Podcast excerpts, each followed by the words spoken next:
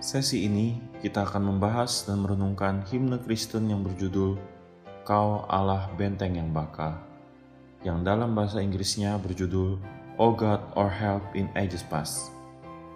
Musik dari himne ini digubah oleh William Croft. Dia adalah seorang musisi gereja yang lahir dalam tahun 1678 dan meninggal dalam tahun 1727. Ia menyelesaikan S3 musiknya di Universitas Oxford. Dia menjadi pemain organ di salah satu gereja di London. Croft juga pernah menjadi pemimpin musik anak-anak di Westminster Abbey. Melodi musiknya juga digunakan oleh George Frederick Handel dalam lagu Oh Praise the Lord dan digunakan oleh Johann Sebastian Bach dalam karya fuganya BWV 552.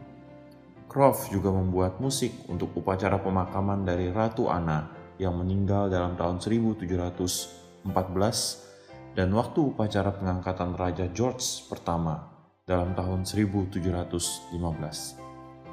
Sedangkan lirik dari himne ini ditulis oleh Isaac Watts.